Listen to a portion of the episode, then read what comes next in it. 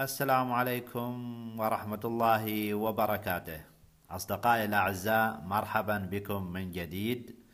اليوم التاسع والعشرين من شهر نوفمبر عام 2020 أنا أسامة أرحب بكم في قناتي المخصصة لمتعلمي اللغة العربية وهدفها هو تطوير مهارة الاستماع لدى متعلمي اللغة العربية. نتابع اليوم موضوع حلقتنا السابقة وهو عن الثقافة وسوف نتحدث اليوم عن مصداق جديد من مصاديق الثقافة وهو الضيافة فابقوا معي ولا تذهبوا بعيدا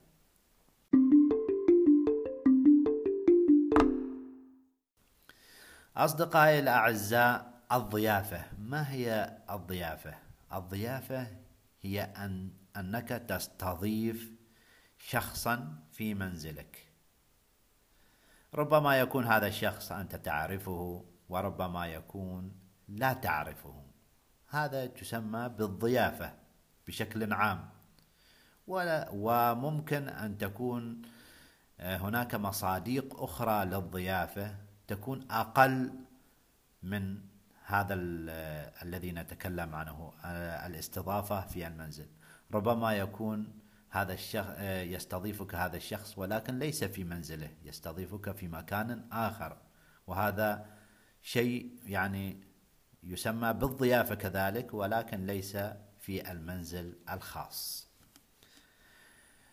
آه، قبل أن نتحدث عن الضيافة عندنا في بلد عمان آه، الضيافة العمانية.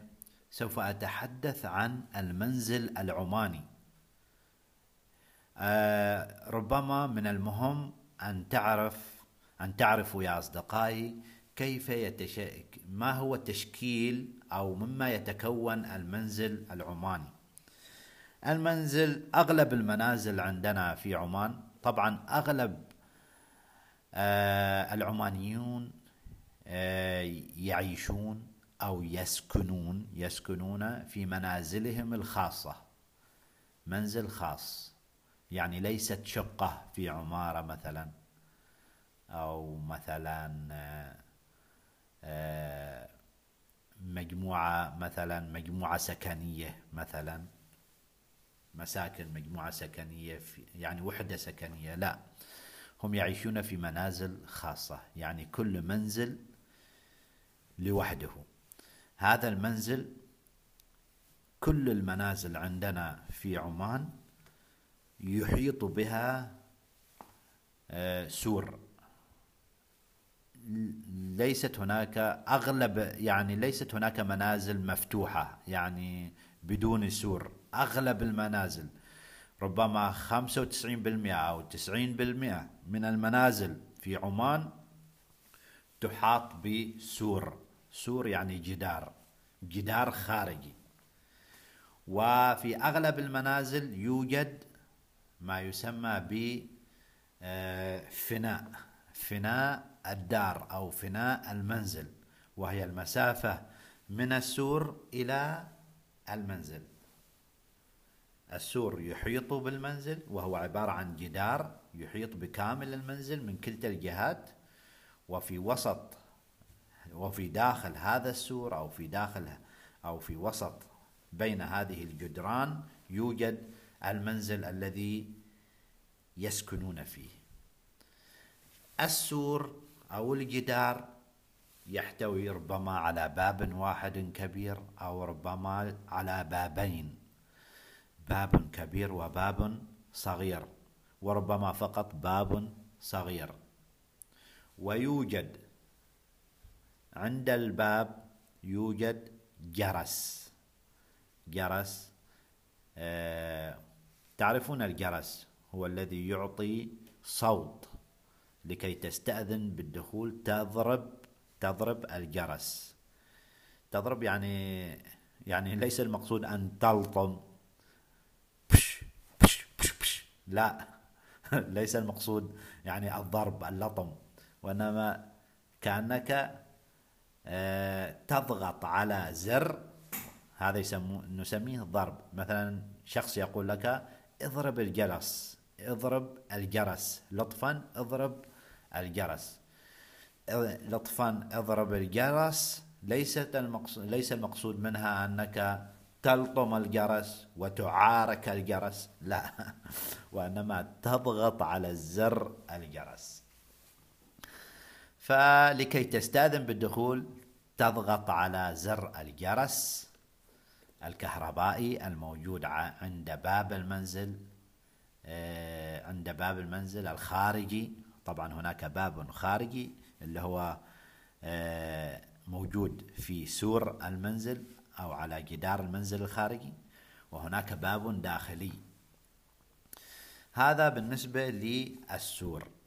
داخل السور يوجد بين السور والمنزل ألو... الذي تسكن تسكن فيه العائلة. هناك فناء نسميه الفناء وهي مساحة أمام المنزل بين الجدار وبين المنزل الداخلي.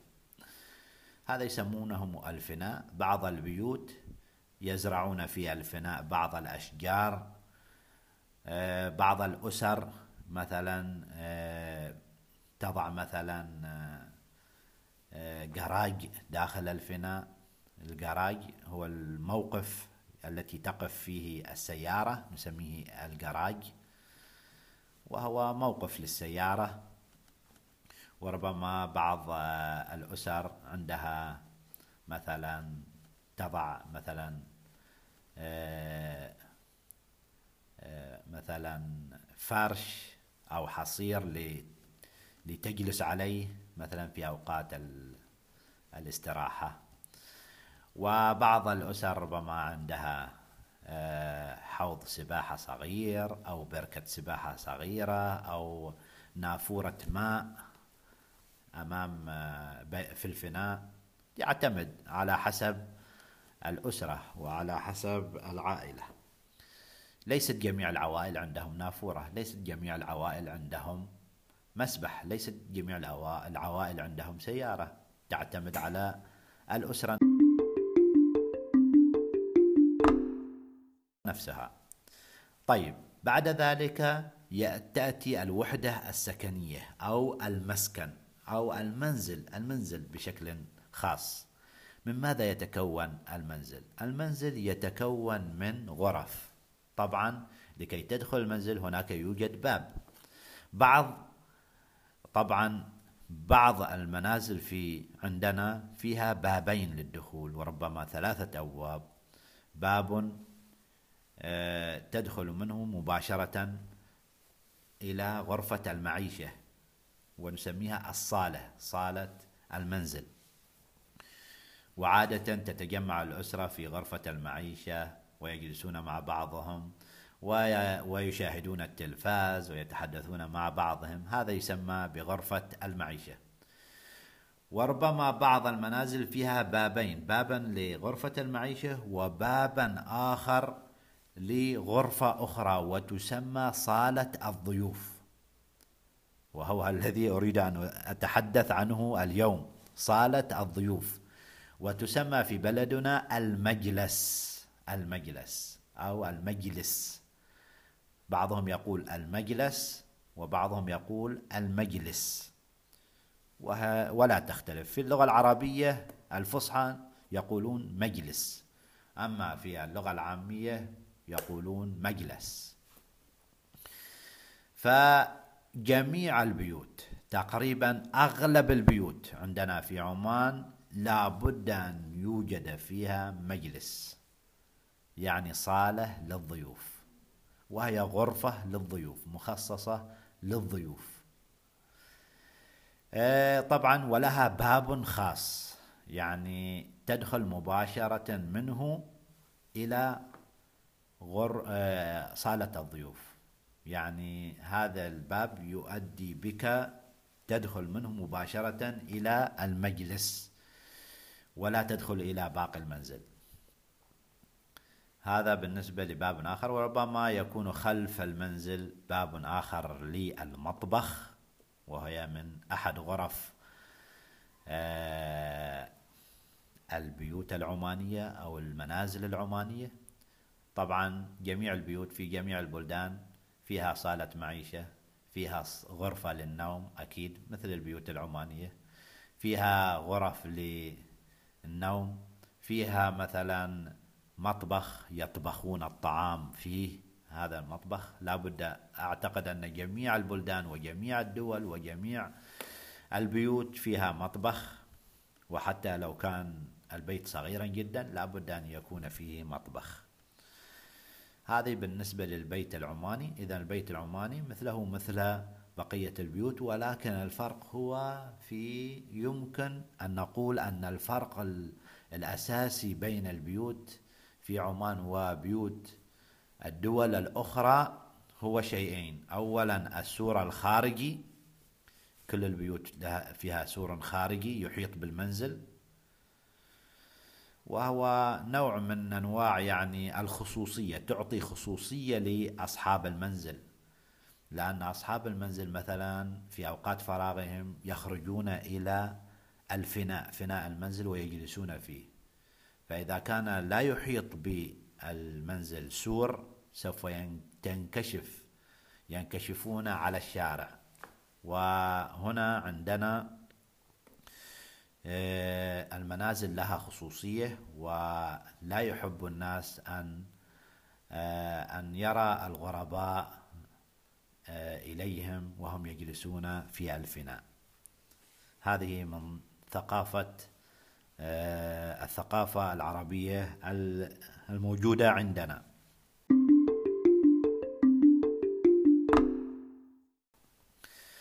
فنتحدث اليوم عن المجلس أو المجلس وهي صالة الضيوف. لماذا توجد هذه الصالة؟ لماذا توجد هذه الغرفة؟ توجد حسنا الإجابة بسيطة جدا هي توجد هذه الصالة أو توجد هذه الغرفة لاستقبال الضيوف الضيوف سواء كانوا غرباء أو ليسوا بغرباء يتم استضافتهم في هذه القاعة ربما بعض البيوت العمانية تحتوي على صالتين للضيوف صالة مخصصة للرجال وصالة مخصصة للنساء. البيوت العمانية يا أصدقائي لابد أن تحتوي على المجلس. عندما يستضيفك آه، آه، العماني في بيته سوف يستضيفك في المجلس. وسوف تدخل إلى المجلس. عندنا هنا طبيعتنا في بلدنا عمان لا آه لا يحبون الاختلاط يعني بمعنى أنه الضيف الذي نستضيفه لا نحب أن يخالط أفراد العائلة. هذه طبيعة وثقافة عندنا في عمان آه، لأن أفراد المنزل لهم خصوصية ولا يحبون أن تنكشف خصوصياتهم على الغرباء. فعندما يستضيفك العماني سوف يرحب بك ويستضيفك في المجلس أو صالة الضيوف. طيب إذا كان الضيف هم ذكور أو رجال فسوف يجلسون في المجلس. ماذا إذا كان الضيوف عبارة عن الضيوف يعني الضيف لكن جمع لكن أكثر من شخص واحد. الضيف هو شخص واحد الضيوف هم أكثر من شخص يعني مثلا شخصين ثلاثة أشخاص أربعة أشخاص.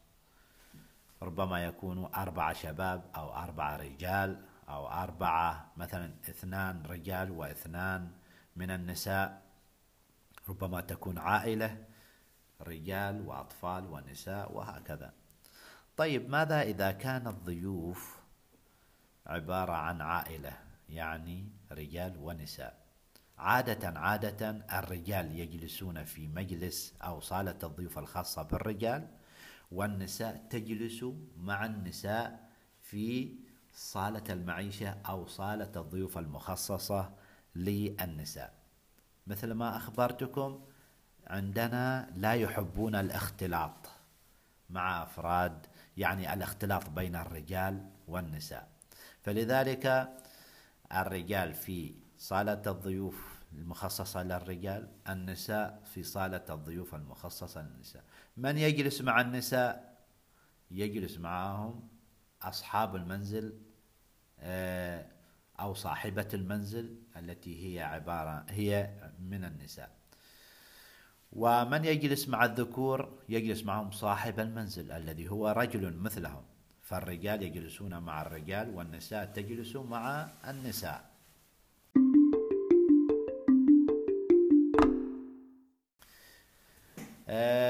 طبعا عادات ما هي عادات الضيف عندنا في عمان؟ طبعا الضيف آه، بشكل عام مرحب به والعمانيون يرحبون بالضيوف دائما وهم مضيافين بشكل عام وستجد من الطبيعي أن يدعوك شخص آه، إلى منزله بشكل عادي. يستضيفك في المنزل يرحب بك. آه، طيب ماذا ما هي عادات الضيافة؟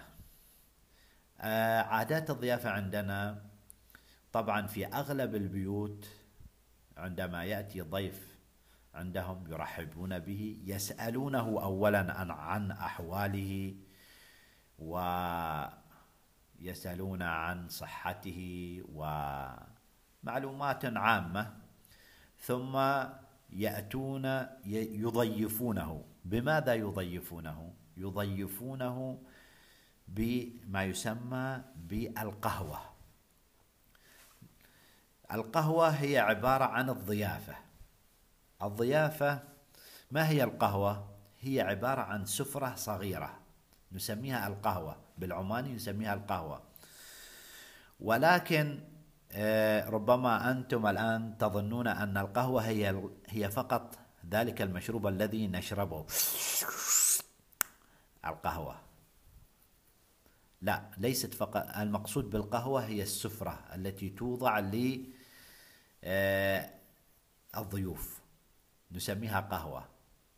وربما تجدون في أغلب لما يستضيف آه، العماني مثلا الأشخاص أو الضيوف يقولون تفضلوا بتتقهووا عندنا.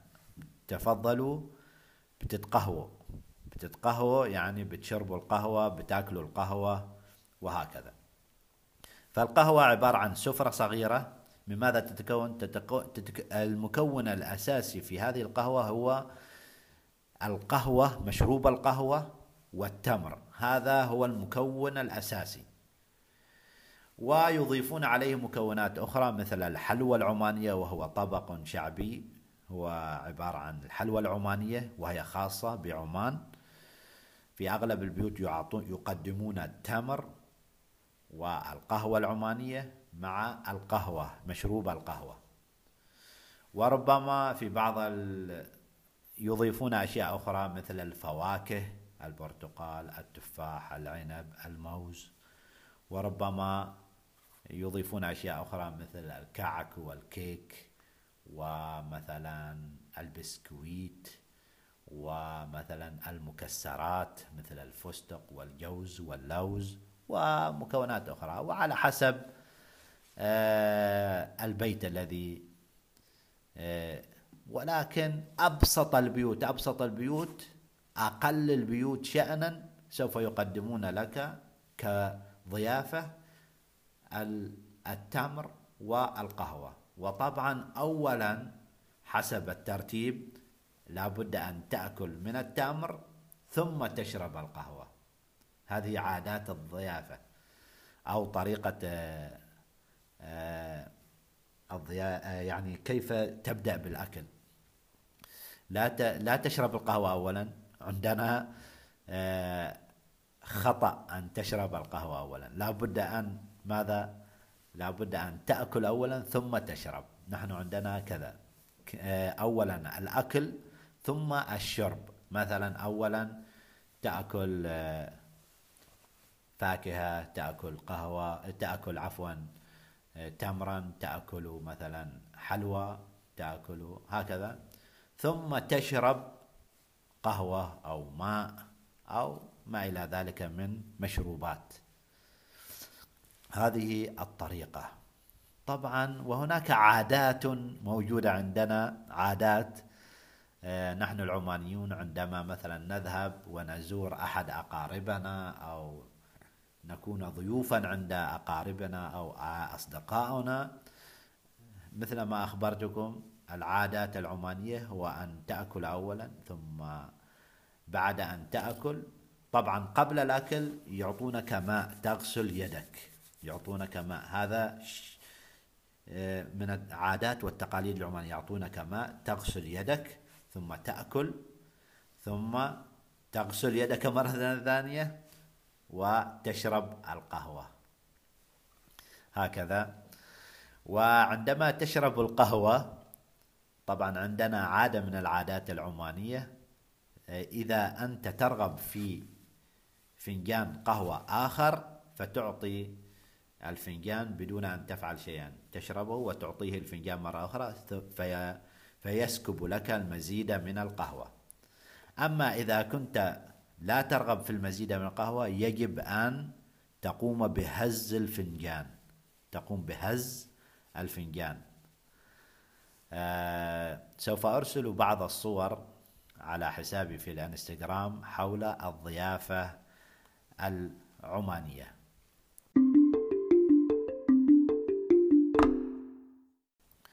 طيب يا أصدقائي إذا نحن تحدثنا عن الضيافة نتابع. آه الضيافة طبعا ربما تكون آه تجلسون مع بعض على حسب الذي الشخص مثلا. ربما يستضيفك لمدة نصف ساعة ساعة. ربما آه، يعلم أنك غريبا ويدعوك للمبيت في بيته. لكي أن تنام في بيته ويعتمد على آه، كيف من أنت ومن الذي يستضيفك وهل أنت تعرفه أم لا أم أنت غريب بشكل عام إذا العمانيون يستضيفون آه، الأشخاص الآخرين في منازلهم في قاعة آه، في صالة الضيوف وصالة الضيوف وهم لا يحبون الاختلاط.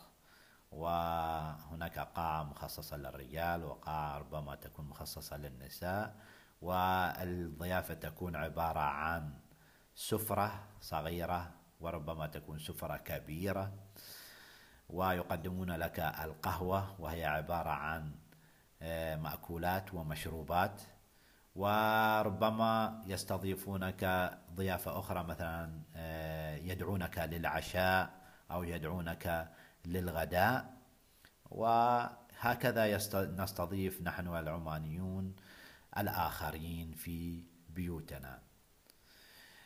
آه، أصدقائي الأعزاء أتمنى أنكم استفدتم واستمتعتم بالاستماع لهذه الحلقة. إذا كان لديكم أي استفسار أي سؤال أرجو أنكم تتابعوني على الإنستغرام حسابي على الإنستغرام Arabic with أسامة سوف أنشر بعض الصور عن الثقافة والثقافة العمانية بالخصوص الضيافة. سوف أرسل لكم صور للمنزل العماني مكونات المنزل العماني بشكل عام. وكذلك سوف أرسل لكم صور للقهوة العمانية. آه، إذا أعجبتكم الحلقة لا تنسوا الاشتراك في البودكاست وأعطونا تقييما جيدا يا أصدقاء. شكرا جزيلا لكم أتمنى لكم يوما سعيدا. مع السلامة.